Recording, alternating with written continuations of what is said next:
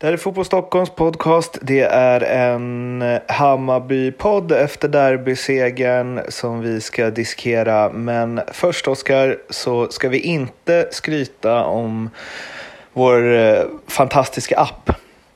Utan eh, vi ska pusha för en annan grej. Ja, det ska vi. Vi ska nämligen uppmana folk att köpa eh, plus hos oss. För att den här våren som vi har haft på Fotboll Stockholm har ju varit eh, förfärlig och vi lider ju fortfarande av den. Vi drabbades eh, hårt vad det gäller våra, alla typer av intäkter och eh, ja, det gäller även eh, plus. Nu när fotbollen har börjat eh, rulla igång så har vi även eh, fått en hyfsad eh, försäljningstakt men vi ligger ganska långt eh, bakom budgeten vi har satt upp. Och det här betyder ju att vi har problem på Fotboll Stockholm.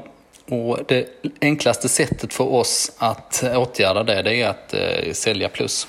Och, eh, så därför uppmanar vi alla er som lyssnar på den här podden. Om ni gillar podden eller om ni gillar eh, det som vi gör på Fotboll Stockholm och vill att vi ska kunna fortsätta med samma manskap. Så signa upp på en prenumeration för 25 spänn i månaden. Det är det bästa du kan göra och det gör oss eh, mycket glada. Mycket, mycket glada. Derbysegerglada gör oss. Mm, det gör faktiskt det. Det är det bästa jag vet. Det är när jag ser att det rasslar till lite nya prenumeranter. Och jag tycker att eh, 25 spänn är eh, ett eh, kap. Det kan jag uppriktigt säga. Och man får mycket fördjupande material varje månad för de här 25 spänn. Om man skulle slå ut det per artikel där vi ändå har gjort ett ganska genomarbetat jobb. Ibland har- tar det ju lång tid att producera de här eh, plusartiklarna så landar vi kanske på en krona eller två kronor möjligtvis per grej. Så helt enkelt, eh, om ni vill stötta Fotboll Stockholm så är det en, en eh, plusprenumeration som gäller. Då blir vi superglada. Eh, en annan sak som gör en eh, lite småglad är ju mm, rubriksättningen på mm, matchreferatet av derbyt eh, på Hammarbys hemsida. Där det står eh, sedvanlig men vältajmad derbyseger mot BIF. eh, det påminner mig om eh, var det DN? Alltså det här funkar ju på en officiell hemsida, men DN körde ju väl ha Halmstad förlorade som vanligt för några år sedan. Eh, Vilket ju känns som en antingen en briljant rubrik från en erfaren redaktör eller så en praktikantrubrik. Exakt. Eh. Nej, det finns ju någonting, alltså de, när, man, när man är subtil i sitt hån. Så Ja. de, alltså de flesta noterar inte det. Men om det noteras, ja, vilket vi gör nu, så är det, då, då är ju den typen av hån det mest dräpande såklart. Alltså om man träffar den ömma punkten på det här sättet.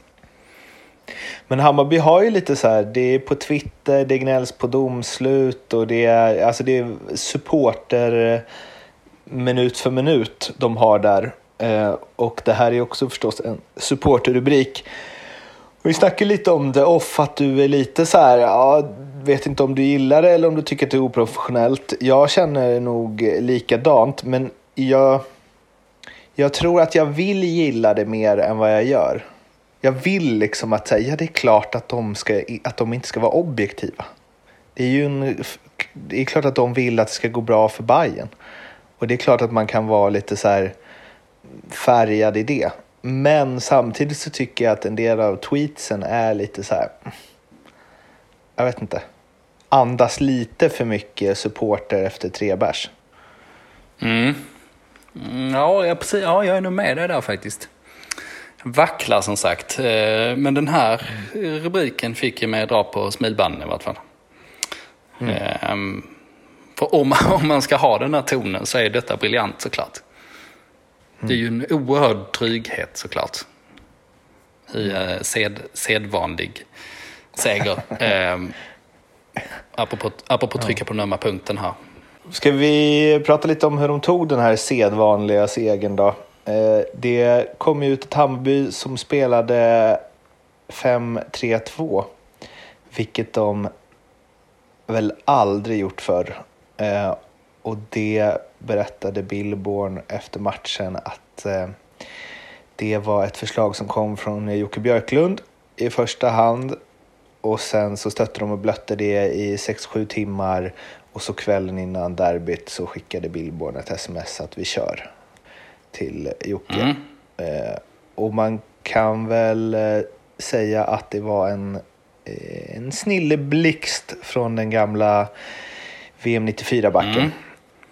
Ett historiskt sms från, från Billborn. ja, jag tror också att det här med fembackslinje kan varit första gången i Hammarby-sammanhang. Men eh, ja, det är där man börjar i alla fall när man ska analysera det här derbyt. Och eh, det var ju ganska mycket en kopia av Rickard Norlings taktik. Vilket vi har sett, alltså den var ju verkligen ja, normbrytande kan man väl säga i svensk fotboll. Eh, dels att de vann SM-guldet på det. Men också att det blivit eh, det vanligaste sättet att eh, försvara sig om man eh, utgår från att motståndarna för matchen. Och det var väl eh, kanske med lite med de eh, erfarenheterna som eh, Jocke Björklund har eh, tittat på det här. Eh, han kan ju sitt, eh, konsten att försvara om inte annat också. Men den taktiken funkade ju helt perfekt och eh, det var ju uppenbart att Djurgården blev totalt eh, ställda av det här. Det kunde ju Ja, om Hammarby satt allting så hade de gjort 4-0 i den första halvleken. Och det var ju oerhört överraskande för mig, måste jag säga, med tanke på hur formkurvorna såg ut och att Djurgården eh, inte bara kommer med bästa laget utan de också vilat många av nyckelspelarna specifikt till det här derbyt. Och Hammarby hade ju en lång eh, lista med frånvarande spelare. Alltså, man kan ju berömma Hammarby verkligen för det här. Det var ju liksom eh, bra eh, läst, bra tajmat. Det blev som de ville att det skulle bli. Men borde det blivit så? Alltså, jag, jag blir alltid lite så här, kan man överraska? Alltså två lag som på pappret är rätt jämna. Kan man överraska de andra så pass mycket så att liksom det fallerar på det sättet det gjorde i Djurgården. Kim Bergstrand var ju ganska tydlig med att det inte hade något med taktiken att göra, vilket det förstås hade. Eh, men jag, jag blir lite så här... Jag vill typ inte att det ska, eller jag tänker att de är så jämna, att de kan varandra så bra, att man kan justera så enkelt ifall man märker att motståndare kör en annan taktik. Mm. Men Djurgården blev ju helt överrumplade. Ja, men det är ju det här som är, jag vill ju att det ska vara exakt så här. För att eh, det var ju en snilleblixt. Det var ju absolut... Eh, ja, men de fick ju maximal utdelning på det här järva draget får man ändå säga.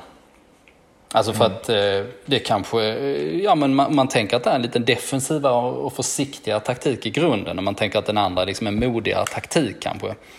Om man bara betraktar den som sådan. Men att ändå göra upp med hela det här framgångsreceptet, även om det bara var tillfälligt, det höjer ju insatserna givetvis. Alltså om det skulle gått fel hade ju alla pekat på det och sagt vad i helvete höll ni på med här egentligen. Och ja, det blir ju någon slags prestige även om det är ens egen system, eget system och egna idéer som man, som man bryter mot. Och eh, ja, Kim Bergstrands eh, pokerface där var ju inte... Ja, han, han höll ju inte riktigt masken där såklart. För apropå prestige för honom var det ju, fanns ju ingenting viktigare än att förklara att det här minsann hade Djurgården läst in. Och, eh, det var, hade ingenting med taktiken att göra. Liksom. Eh, Medan det var så uppenbart när han sa det att sanningen var precis tvärtom. Alltså, taktiken var, gav förutsättningarna och eh, Djurgården var inte beredda för det här. Eh, mer än att de anade att det, kanske, att det var en eh, sån här formation när de väl såg laguppställningen. När Kim Bergstrand söker jobb så anger han inte prestigelös i beskrivningen av sig själv. Nej, för honom är... Eller så är det exakt ja, han är ju liksom, ja. Efter matchen-intervjuerna är som de är, liksom ett derby, och då är man ju sur såklart. Men för honom var det ju oerhört viktigt att förklara att alla experter hade fel, redan innan experterna hade sagt någonting. Men, men vet du vad om det, huruvida, du sa ju att du vill att det ska kunna funka så här. Jag blir lite så här, oh, kan man verkligen överraska någon så mycket med taktiken? Det Billborn pratade om efteråt var ju att det var och jag vet inte hur mycket det var att han liksom ville höja sina spelare, men han sa ju att det inte var en tränarseger alls, utan snarare helt tvärtom, att det var spelarnas att det var spelarna som skulle ha all cred för det här. För att även om de bestämde att de skulle spela så här så hade de inte tränat på det alls. Och det fanns liksom inga förberedelser på det sättet att så här, nu har vi bestämt oss att vi ska köra det här, nu nöter vi det här, ni ska ligga så här, ni ska springa så här. Utan han var, ja men det är att vi har skickliga spelare liksom, som fick tänka själva och eh, löste Mm. det. Och det är ju en, eh, en stor del av förklaringen eh, givetvis också. Men eh, det är ju även ett bra ledarskap där. Att man lyfter fram spelarna där man har eh, gjort ett eh, smart jobb själv. Det är ju att eh, skydda spelarna och höja spelarna och få dem att må bra är ju nästan det, är ju nästan det viktigaste i hela ledarskapet. Så eh, nej, eh, cred till honom även där. Och just, alltså om, apropå det här med att överraska. Eh, åtminstone så som jag, jag har sett fotboll i många år så tycker jag just att det, det, men det är fembackslinjen som kan överraska. Alltså när man har sett lag som verkligen kört fast in i en motståndare. Då tycker jag nästan alltid att det är fembackslinjen. Att det är liksom ett helt annat sätt att formera sig på planen. Och eh, ytorna finns på ett, annat, på ett annat ställe. Och eh, när, när laget som för inte har läst in det så kan de liksom eh, ja, men göra som Djurgården gjorde på något sätt. Det har jag åtminstone tänkt på ända sedan Grekland vann eh, EM 2004 med en fembackslinje. Det var ingen rolig fotboll. Ja, det var... Då hade de i och för sig en gammal eh, tysk fembackslinje. Alltså de hade ju Otto Rehagel där som tränare, men det var ju liksom en gammal tysk modell.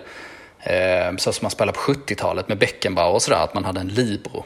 Eh, så det var ju en Och vad hette han? eh, Dellas va? Dallas, just det. som eh, gjorde sin livsturnering där. Nej, men jag har ofta slagits av det. Att de gångerna när man kan få ett förande lag att bara eh, slå totalt knut på sig själv, då har det ofta varit fembackslinjer från lag som man kanske inte förväntat sig det på. Och eh, den här gången, nyckeln till att Hammarby klarade var ju att man behöll en aggressivitet i försvarsspelet.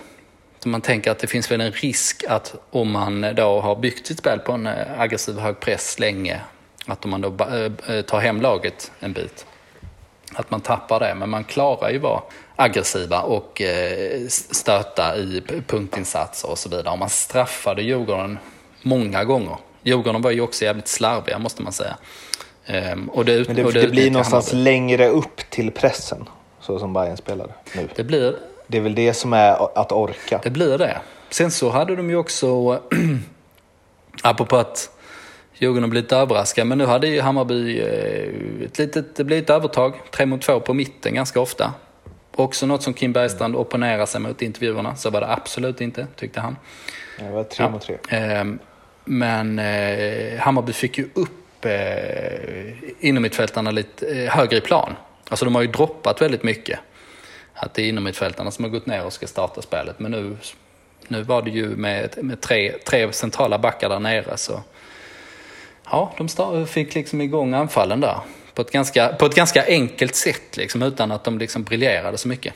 Framförallt var det väl att Jeppe Andersen också så här, tryckte upp några gånger, alltså med löpningar.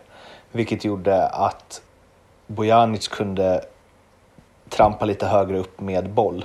Vilket gjorde att så här, hela spelet utgick från en högre startposition. Men det var ju nä- det är nästan allt, alltså, och det ska ju sägas, Bojanic var ju sitt gamla jag igen. Mm i passningsspel och han och Rodic hade ju en del, del fina eh, ja, blickar till varandra. Eh, men just att så här, Jeppe Andersen ja, löpte mycket medan Bojanic, eh, vilket gav Bojanic utrymme till att slå sina... Alltså, det är, ja, han är ju... Han är allsvenskans bästa på det va? När han får de där, när han får den tiden. Ja, det måste han ju vara. Alltså, det är ju hans absoluta spetskvalitet. Att- Jävla fina passningar ibland alltså. Men Bojanic är ju lite på gång. Alltså jag har ju, du vet, jag har ju försvar, ryckt ut till hans försvar lite grann i vart fall. Eh, nej, men jag tänker att, Förutom sist. ja, vad du sa. Ja. Då hade vi ett undantag tror jag mot försvarandet av honom. Ja, okej. ja. det är svårt att komma ihåg när man är sådär i, i, när man är någonstans i mitten och guppar där. Men eh, jag, jag, Ja. totalt sett tror jag att han är lite, att så här, man letat efter syndabockar och pekat ut honom lite orättvist. Men sen hade vi ju eh, två, eh, två, två minst sagt oväntade målskyttar också. Apropå att det här derbyt inte blir som, blev som eh, vi hade trott på förhand. Ja, eh, det var väl eh, världens eh, minst oväntade målskyttar. Har två så lite förväntade målskyttar gjort mål i samma match någon gång? Ja, bra fråga. Framförallt om, vi, alltså, om du ställer frågan har två så oväntade anfallare, får man väl, måste man väl trots allt lägga till.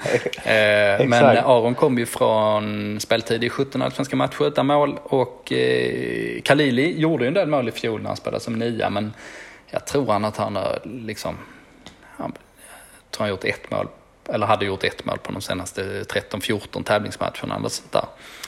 Eh, inför inhoppet som det blev.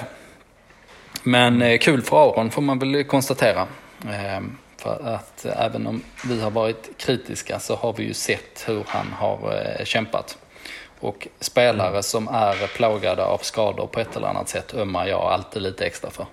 Dels för att jag själv har gått sönder som fotbollsspelare och, och blivit den eh, patetiska killen som eh, berättar hur bra han kunde ha blivit. Eh, men, men också för att jag har pratat med jävligt många som haft eh, skador eh, på nära håll liksom, och man ser hur mycket det, hur mycket det sliter mentalt. Ja, eh, det var ju um, eh, en otrolig lättnad också när han gjorde, alltså man såg ju på honom, han bara skrek ju rakt ut verkligen. Mhm. Han har nog slitit en del med det där alltså.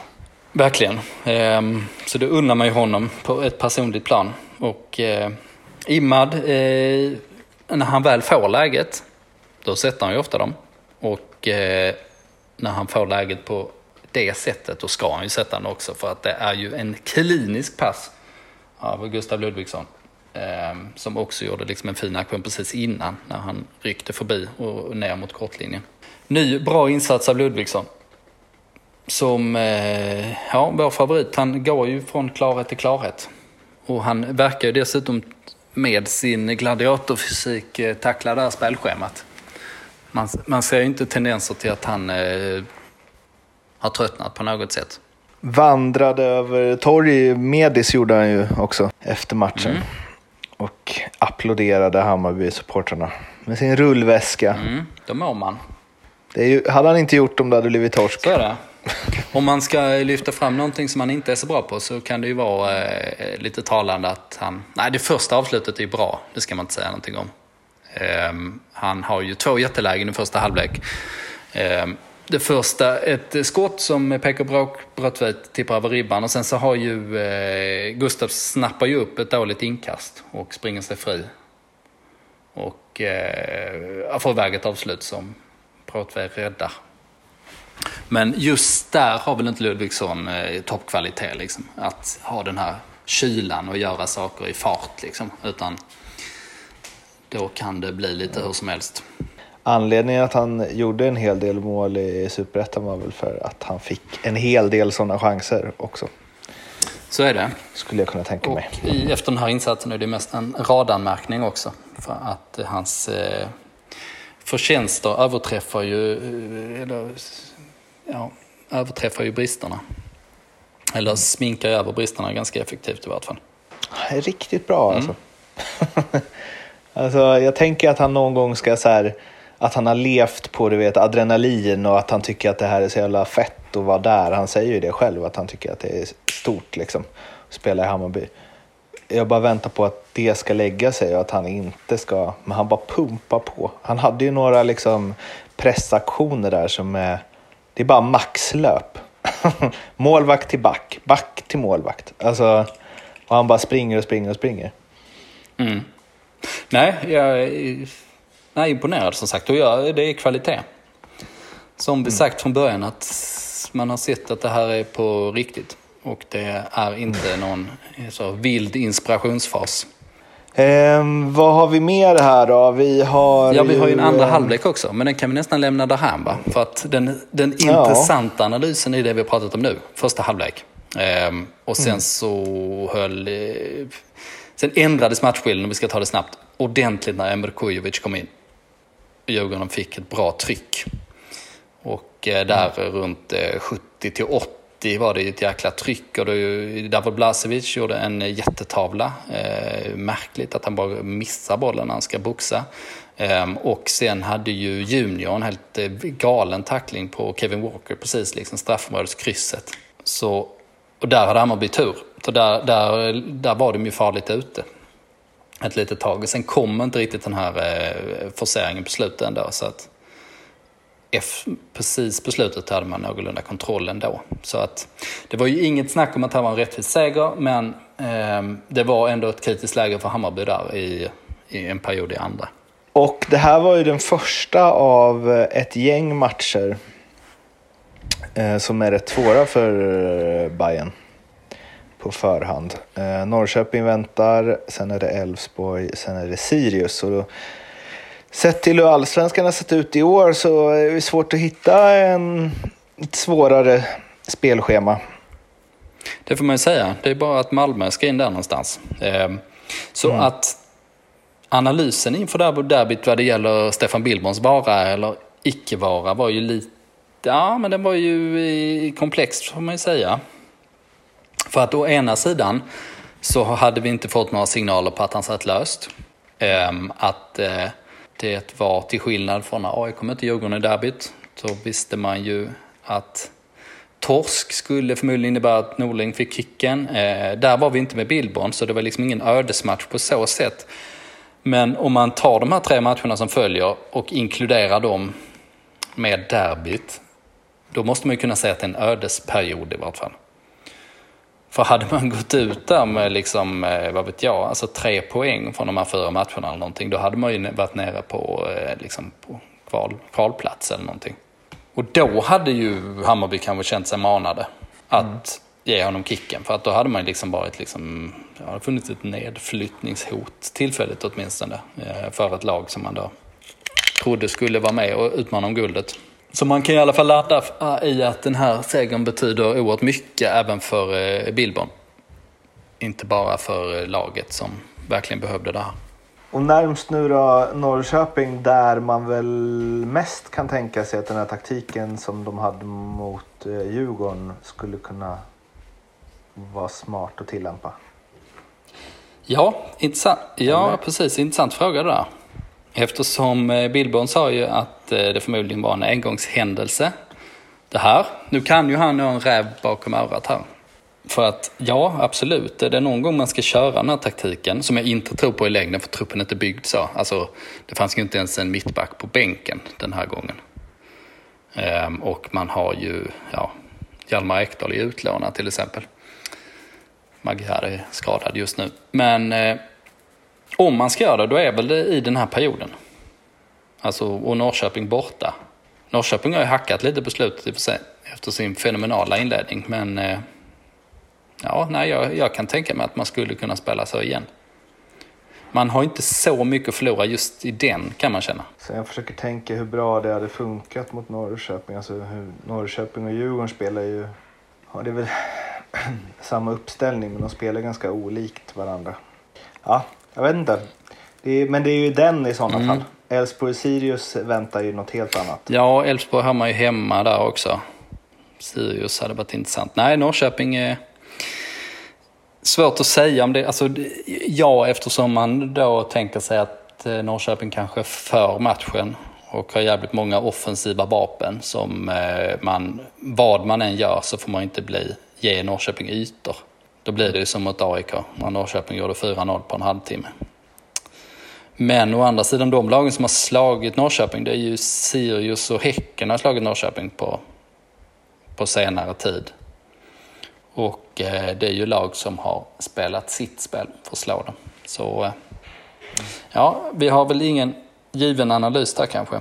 Men eh, det känns väl tryggt att lämna över det med varm hand där till Jocke och Billborn. Med tanke på att om vi tänker att Billborn har haft eh, svag fingertoppskänsla många gånger den här säsongen. Och när man väl börjar välja fel då fortsätter man ofta välja, välja fel på något sätt. Som tränare. Alltså det är, även tränare är formkänsliga på det sättet. Mm. Ehm, och nu då när de väl har gjort en sån här eh, klockren träff då, att man kanske har en ja, bättre möjligheter att välja rätt i fortsättningen. Så Ja, vi kan nog vara eh, trygga i att de hade gjort det bättre än eh, dig och mig som tränare i vart fall. Det tror jag med. Avslutningsvis, köp gärna plus 25 spänn i eh, månaden så får ni massa plusmaterial kring Bayern. Vi skulle uppskatta det oerhört mycket, betyder jättemycket i dessa tider. Mm. Och sen så vi glömde, glömde nästan jag... lägga till en, alltså, nu bad vi ju folk alltså, om att göra det för vår skull. Men framförallt, mm. du får en jävla massa läsning för 25 spänn. Mm. Och eh, förhoppningsvis... för vår skull och för er ja, skull.